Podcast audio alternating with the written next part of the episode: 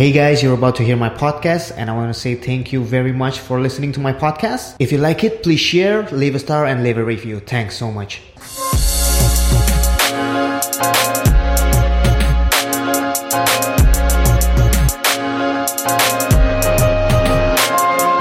Jadi sekarang gue udah sama Sarafin. Oh, Mungkin kita bisa perkenalan dulu dari nama, umur, dan kuliah dan jurusannya. Hai, nama gue Sarah Vina Nightingale, bisa dipanggil Vina aja, dan gue sekolah di New York, di Fashion Institute of Technology, ngambil Fashion Business and Management, dan umur gue baru 21 tahun.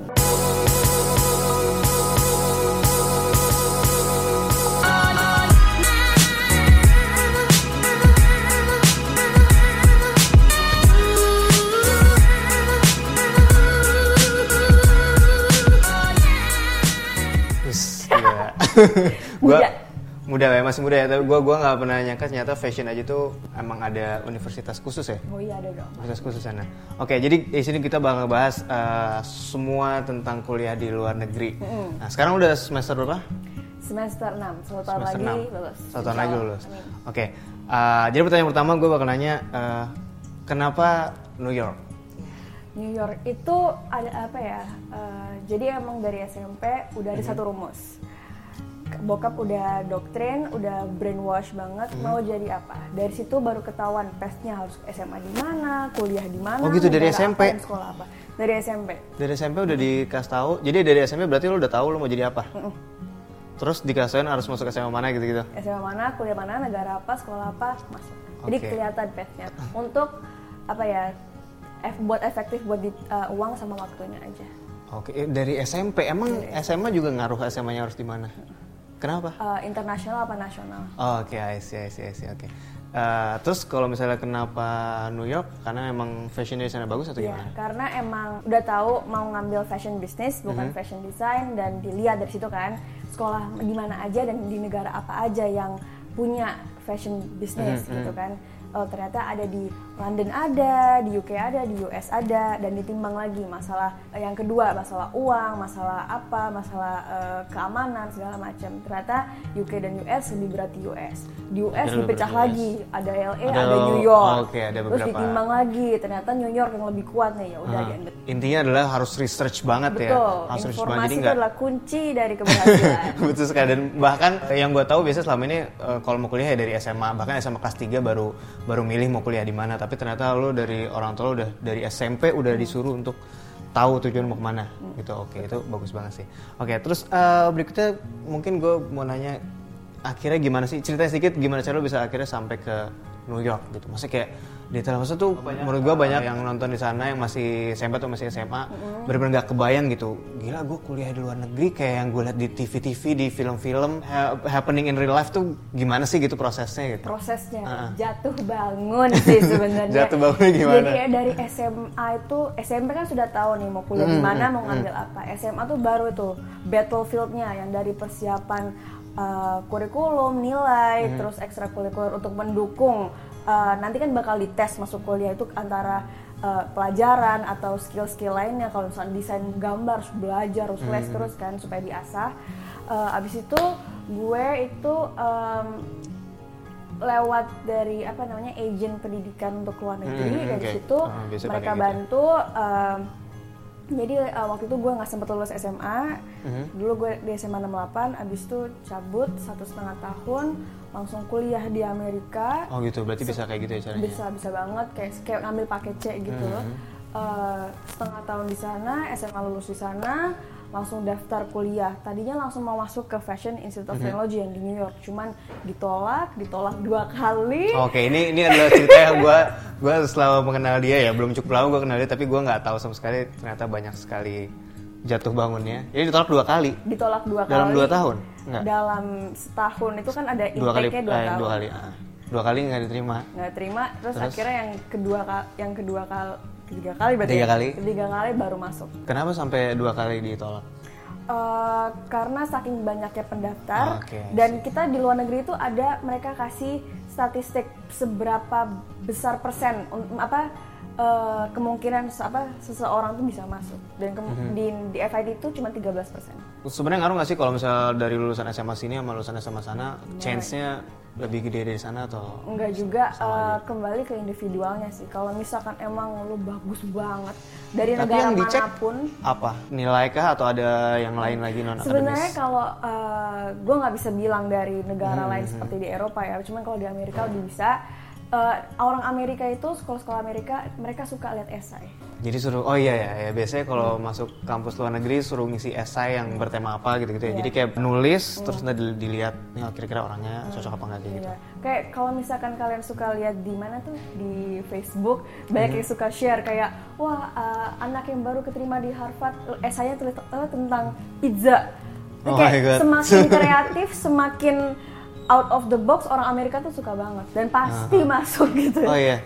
Jadi tapi sebenarnya unpredictable juga ya. Kadang ada yang Unpredictable banget. pinter banget, kadang ada yang kreatif banget yang bisa masuk kayak gitu. Sekarang gue mau nanya sebenarnya perbedaan signifikan apa sih kuliah di sana sama kuliah di sini? Ya meskipun lo mungkin bel- belum pernah kuliah di sini tapi dari yang lo tahu nih kira-kira kuliah di sana sama di sini bedanya apa sih? Secara di dalam kampus ya? Dalam kampus Ah, ya. bukan dari lingkungan ya? Lingkungan ntar abis ini misalnya dari dari kayak ya dosennya lah. Kalau misal di Oke. sini kayak ngejar-ngejar dosen atau Oke, di sana oke, gitu. iya, iya.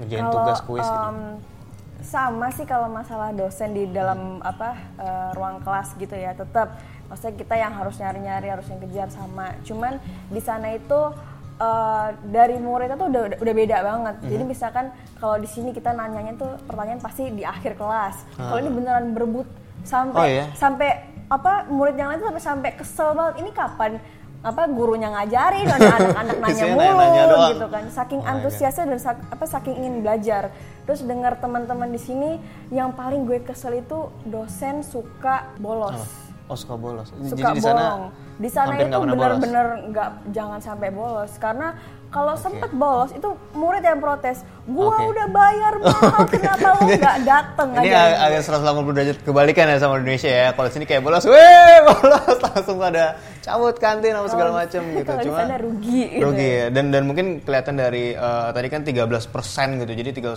juga udah sangat terpilih. Jadi semuanya nggak mau rugi pengen pengen kuliah yang serius gitu ya. Betul. Terus apa lagi kayak misalnya dari lingkungan kampusnya deh. kebetulan gue juga di sana jadi bem Mhm, Oke. Jadi kayak ada student Rajin sekali ya. student governmentnya juga. Jadi uh, gue juga sebagai international student sebenarnya juga ya uh, ada kesenjangan sosial lah antara Mhm. apa local student orang Amerika itu dan international student. Tapi sebagai seorang Sarafina gitu kan nggak mau rugi gitu ya. Jadi tetap uh, sebagai mana mungkin gue involved dan itu kelihatan orang yang nggak involved di kampus dan involved di kampus sangat beda. Dan Bedanya gimana? bedanya tuh sangat apa ya nggak tahu kampusnya ngapain aja Hmm. sedangkan kampus itu kan di sana tuh uh, punya budget yang luar biasa untuk bisa mengakomodasi murid-muridnya Oke. gitu dan menurut gue tuh sangat apa penting banget untuk international student seperti gue ini yang udah bayar mahal untuk menggunakan untuk apa ya ngambil advantage-nya sebanyak Hmm, memanfaatin mungkin sebanyak Ha-ha. mungkin gitu ya. Dan dan gue bisa lihat itu advantage yang ditawarkan oleh kampus-kampus luar negeri itu tidak ada di sini dan Oke. dan masih banyak juga orang Indonesia yang di sana cuma sekolah doang cuman tidak memanfaatkan itu yang Ah, gemes oke, oke.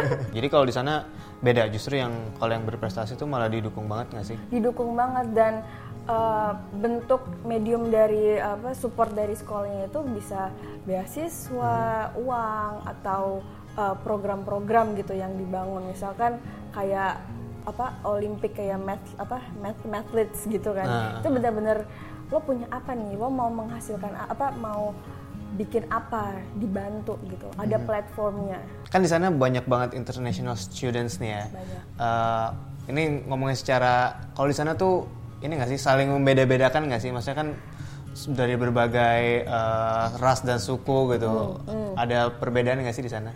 Uh, kalau dibilang nggak ada itu muna banget. Maksudnya jangankan di Amerika yang banyak banget citra ragamnya ya. Di Hmm. Oke. Indonesia pun terjadi gitu. Iya, Jadi iya, ya pasti ada lah di sana. Cuman ya karena di sana uh, di Amerika memang toleransinya lebih tinggi, Lebih tinggi, sih. ya, ya, jadi ya, apa I mereka udah conscious, udah ngerti ada perbedaan, jadi mereka lebih terbuka. Oke. Dan itu memang ya ada, cuman ya karena di sini berba apa eh, sebagai BEM ya tidak boleh milih-milih ya, harus kita yang ngerangkul. Oke, oke. Tapi juga emang gue orangnya nggak milih-milih sama Oke, siapa aja berteman Oke, nah sekarang kita mau nanya ke yang biasanya paling paling sering diomongin nih, karena uh, banyak banget di YouTube juga banyak yang isinya vlog-vlog tentang kehidupan seorang mahasiswa atau mahasiswi di luar negeri gitu ya. Nah ini kalau di New York nih, kira-kira uh, apa namanya? Ceritain dong lingkungannya seperti apa sih hidup di sana dan yang perbedaan yang signifikan banget dengan di Indonesia atau di Jakarta itu apa sih? sebagai anak rantau di mana pun kalian berada itu paling struggle-nya ya ya yang umum lah ya kayak misalkan makan Nah, terus ya, selain bahasa berarti ya, ya selain makan. bahasa makanan terus kayak culture-nya berteman sih itu Mhm. salah satu yang poin paling besar pa- apa obstacle Harus- sebagai anak rantau harus karena banget atau? Mhm. karena harus banget karena di sana lo itu sendiri lo yang harus maju walaupun lo introvert extrovert lo harus yang mulai awal duluan karena kalau lo nggak mulai awal duluan Oke. lo bakal sendiri dan lo bakal stres sendiri nggak punya teman gitu Nah, terus uh, kan lo punya teman pasti ada dari berbagai negara juga. Gimana sih cara menghadapi culture seperti itu? Maksudnya teman-teman yang beda-beda gitu, apakah sama aja kayak temenan di sini atau beda banget karena culture-nya memang culture masing-masing beda juga tiap negara ya? gitu kan culture-nya gitu dan apa teman-teman international student juga dari berbagai macam negara dari berbagai macam kontinental di luar sana gitu Ya, kan dari Afrika, negara-negara Eropa, yang Asia gitu kan. nggak pernah kesebut. dari Zimbabwe. Cuman ya eh, dari situ kita punya satu tujuan. Di sana international student di sana kita belajar. Jadi memang kita berteman itu untuk apa ya survive. Jadi anak rantau dari seluruh Oke, dunia kita saling membantu. Saling bahu membahu intinya sama. Kalau kehidupan gimana? Kayak misalnya uh, ya di kalau Jakarta banyak mall di sana Nah. ya New York gitu ada macem-macem. Tapi apa sih berbeda mungkin dari living cost? Kalau living cost itu eh, di New York tersendiri memang kotanya metropolitan sekali, jadi memang lebih tinggi. Cuman kalau misalkan eh, banyak yang nanya kenapa sih mahal banget, ya karena mungkin New York gitu kan ya. Cuman kalau misalkan dibandingkan di negara-negara Eropa itu memang lebih murah karena memang Oh. beda lah program dan sistemnya gitu. Ya, dan yang gue tahu uh, living cost paling tinggi di dunia adalah di Singapura.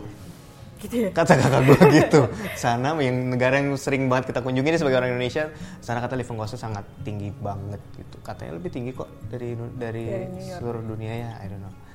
Gitu. Kalau dari dari teman-teman sesama teman-teman Indonesia, nah di sana gimana kan pasti ikutan apa namanya perkumpulan apa namanya Permias. PPI, Bah? Permias. Oh, Permias. Kalau Amerika namanya Permias. Oke, oh eh, singkatnya beda sendiri perkumpulan masa mahasiswi Amerika Perkumpulan Serikat. mahasiswa mahasiswi Amer- Indonesia Amerika Serikat. Oke, Permias namanya beda sendiri. Nah itu gimana? Itu seru nggak sih? Apakah emang- memang biasanya wajib untuk datang ke sana, nyari temen, nyari jodoh atau itu bener nggak sih? Karena biasanya selalu di PPI di seluruh dunia yang gue tahu ya, meskipun gue nggak pernah kuliah di luar negeri ya, biasanya PPI itu tempat mencari jodoh. mencari jodoh. Eh, jadi em, Kalau mencari jodoh yang salah satu salah satu negara ya. Jadi eh, di per- eh, Amerika memang negaranya besar banget. Mhm. Jadi Permias itu ada namanya Permias nasional dan Permias chapter. Permias chapter tuh ya tiap kota Seluruh, insya ah. Allah ada nggak semuanya sih, cuman ada lah gitu kan. Itu tujuannya untuk eh, suatu komunitas mahasiswa Indonesia. Mhm. Jadi kita bisa sharing, bisa networking kalau misalnya ada acara dan kita itu program kerjanya sangat dekat dengan pemerintah Indonesia. Oh ya. surprisingly. ya. Jadi kita emang eh, nggak cuman kumpul-kumpul biasa aja, Uh-huh. tapi kita emang juga mencoba untuk memberikan perubahan, inovasi terbaru, apa yang bisa kita tingkatkan Uh-huh. dari luar negeri. Jadi memang kita dekat lah programnya dengan apa namanya dengan government Indonesia gitu lah ya. Oke. Cuman iya tempat cari jodoh betul. Oh jadi jodoh ya, biasanya tuh jadi jodoh. Dan eh, kalau kayak gitu-gitu kumpulnya biasanya tiap berapa bulan atau tiap berapa lama sih? Kalau di Atau kalau ada event aja? Kalau chapter New York itu nggak ada sih per berapa minggunya, Mhm. cuman uh, kita selalu ada event at least satu bulan sekali. Mhm. Terus juga kayak paling kumpul-kumpul santai sih, nggak kayak terikat banget Mhm. harus ngomongin apa. Terus itu juga aktif di situ? Dulu sempat dua setengah tahun, dua tahun, abis itu uh, setengah tahun satu tahun gitu bantuin PPI dunia. Jadi Persatuan Pelajar, Pelajar Indonesia, Indonesia untuk Dunia. sedunia. Oke ya, banyak sekali yang dikerjakan Nona Vina ini ya, luar biasa sekali. Lumayan. Nggak cuma iseng-iseng kuliah, nggak iseng juga sih ya kuliah di luar negeri, tapi serius ilmu. banget dan uh, agak uh, nggak mau rugi ya, semua experience harus diambil Betul. juga untuk ikutan segala macam hal juga.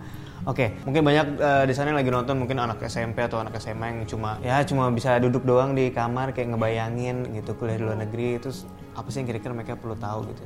Untuk bermimpi tuh selalu ada waktunya. Cuman untuk keluar dan benar-benar cari informasi, action itu tuh waktunya terbatas. Mhm. Waktu itu selalu jalan terus, cuman action tuh harus sekarang. Jangan nunggu nanti-nanti. Itu sih, cari informasi. Sekarang kita udah hidup di Zaman. dunia yang zaman yang informasi itu Sangat gampang, gampang banget sekali dengan diakses. modal jempol ya. Betul, langsung dicari gitu loh. Hmm. Ada di depan laptop gitu. Kalau bisa nonton vlog pasti bisa lah cari informasi buat kuliah di luar. Iya, negeri. jadi mestinya udah nggak ada alasan lagi ya karena semua segala informasi udah bisa dicari, tinggal research aja, cari intake-nya ya. Betul. Ya, cari intake-nya kapan, ikutan tes segala macam gitu. yang dibutuhkan apa Ah, gitu. segala Dimulai dari sekarang. Dan eh, kalau gue boleh sharing juga, jadi gue dulu sempat apply juga di Singapura di NTU. Meskipun gue juga sama gagal dua kali, tapi akhirnya saya tidak meneruskannya jangan ditiru ya. Cuma mungkin eh, memang eh, jalannya lain. Jadi waktu itu gue dua kali nggak terima di Singapura, akhirnya dapat kampus juga yang IT-nya memang ya lumayan bisa dibilang salah satu yang paling bagus di Jakarta. Jadi ya mungkin memang jalannya IT gitu karena di luar negeri gue juga jurusannya nyari-nyari juga gitu. Nah terus ada lagi nggak kira-kira yang mau di share? Tentu ada banyak Us. banget. Banyak ternyata. banget cuma disingkat aja ya teman-teman. Jadi eh, memang eh, di YouTube gue juga gue pernah sharing Mhm, masalah perjalanan gue kuliah di luar negeri. Dan di situ eh, banyak dari teman-teman yang nanya gimana sih cara cari beasiswa untuk S1. Ah iya, beasiswa juga penting banget. itu eh, kebanyakan beasiswa untuk S1 memang susah didapat karena memang tidak banyak yang eh, offer untuk Hmm. S1 karena memang butuh duitnya banyak sekali ya teman-teman ya dan Oke. banyak peminatnya jadi eh, tapi ada beberapa eh, bukan eh, yang yang gue tahu bukan 100% cuma Uh-huh. kayak 50%, 25% Hmm. dan itu di eh, ditawarkan dari berbagai macam organisasi eh, NGO atau dari Hmm. pemerintah dan juga dari sekolahnya langsung gitu. Cuman memang mereka tidak terlalu advertise kan karena ya banyak banget kalau yang Oh, mau gitu kan. Jadi emang bener uh, kalian harus cari-cari sendiri. Cari intinya Iya. dari tadi adalah cari informasi yang banyak ya. Kalau misalnya S2 berarti banyak juga. Oh S2 Lebih banyak lagi ya? makin banyak Oh, sekali. makin banyak lagi. Kalau uh, jadi teman-teman jangan putus asa kalau misalkan Uh-huh. memang kondisinya tidak bisa uh, kuliah di luar negeri untuk S1, S2 itu uh, lebih banyak chancesnya dari Indonesia Da- dari uh, perusahaan-perusahaan company besar. Kalau misalnya dari Hmm. internship kalau udah dapet kerja banyak yang mau daftarin ke S2 supaya ntar kamu kerja lagi di company-nya makin besar, company-nya makin hebat. Oke, wow. Jadi sebenarnya banyak banget opportunity yang bisa kita dapetin kalau kita benar-benar uh, serius ngejalaninnya, pengen menuju ke sana. Jadi yang tadi ya mimpinya jangan cuma dimimpin doang, tapi harus action. Harus action. Harus action. Dari sekarang. Oke, dari sekarang gitu. Karena banyak di luar sana yang seperti kamu mau keluar di luar Iya, negeri. banyak banget. Jadi harus jadi salah satu yang bisa tembus beneran ke sana. Eh, ini pertanyaan bonus aja nih. Gimana sih perasaannya waktu ketemu sama cowok-cowok di di sana di Amerika di New York? Yang mana nih yang Indonesia pengen bule? Jangan yang Indonesia, kalau Indonesia udah udah biasa ketemu lah di sini. Pertama kali ke sana terus ketemu cowok-cowok New York tuh gimana sih? Apakah lo tiba-tiba baru hari pertama bisa suka sama orang atau gimana sih? Ah, gimana ya kalau eh, kan gue anaknya drama banget kan ya sering nonton apa eh, eh, bukan FTV sih ya Apa namanya. series? kayak series-series luar negeri kayak Gossip Girl gimana gitu kan kayak Chuck Bass gitu kan. Jadi ya em, pas ketemu langsung di New York kan langsung kayaknya kan emang kota itu romantis banget kan. terus ketemu apa eh, tiap jalan tuh pasti ada yang ganteng cuman ya sudah setelah empat tahun tinggal di sana sudah biasa lah seperti itu. Juga tidak bisa. Jadi nggak ah, fokus belajar fokus belajar. Jadi eh, eh, kalau misalnya dari yang lo tahu nih, apa namanya percintaan gitu-gitu di sana bisa menjadi distraction banget gak sih? jadi pokoknya apa ya ya kita sebagai eh, wanita dan laki-laki kalau misalkan emang suka emang nyambung ya kalau misalkan emang siap buat relationship ya silakan tidak ada Oke, salahnya. Cuman ya bener harus sebagai anak rantau di apa di luar negeri kata orang kata orang tua gue itu harus ingat tujuan ke sana tuh mau ngapain? Mau Ya, pacaran sana. mau belajar? Gitu. Tetap tujuannya mau ke sana mau kuliah dan mau lulus cepat gitu ya. Oh ya, s- satu lagi nih sebelum kita udahan, setelah lulus mau ngapain? dari beberapa dua tahun yang lalu udah mulai eh, udah mulai bisnis udah mulai dari awal udah mulai research juga. Gimana kalau misalkan mau eh, bisnis di Indonesia sekarang alhamdulillah udah jalan. Terus eh, ini setiap pulang ke Indonesia selalu aja ada orang yang nelfon ini nih mau ini nih mau ini kayak dari pulang mana ke yang Indonesia yang nelfon dari mana? Dari Eh, sini justru. dari Indonesia dari orang Oke. kayak teknis masalah eh kita udah punya mesin ini kita punya kayak dia udah kayak aduh udah siap nih gitu lo kapan pulang gitu kalau misalkan jauh kan agak susah kan komunikasinya Oke. jadi kayak emang udah ntar lagi pulang ke Indonesia udah siap Jadi berarti eh, setelah lulus tujuannya adalah pulang ke Indonesia dan membuat sesuatu di sini. betul Oke, bagus sekali ya. Jadi kembali lagi ke Indonesia. Alright, uh, thank you banget Sarafin. Gini kita, kita ini banget ya, formal banget ya. Thank you banget udah sharing-sharing dan uh, jangan lupa buat ikutin uh, channelnya Sarafin. Apa channelnya? YouTube.com? Sarafina in the city youtube.com slash Sarafina in the city di sana dia juga sharing tentang uh, vlog dia di New York dan juga sharing tentang yang tadi ya soal apa perjalanan kuliahnya di sana gitu oke thank you Vina Dadah. Halo tante, aku mau tanya dong, aku mau kuliah di New York gimana ya? Aku udah bisa apply belum? Hah? Tantenya di sebelah situ. kamu ikut sekolah yuk sama aku di New York ntar temennya bule gitu Tuh, kamu kan kayak bule. ntar, pacarnya bule Gimana ibu? Aku boleh nggak nih? Oh udah bule. Ya. Aku boleh ya kuliah di New York? Boleh, ibu ikut. Emang ayah nggak bolehin? Udah gitu. Makasih tante udah sharing-sharing. sama-sama Makasih lo udah kasih aku baju. Semoga muat ya. ya Ya. Salaman dulu.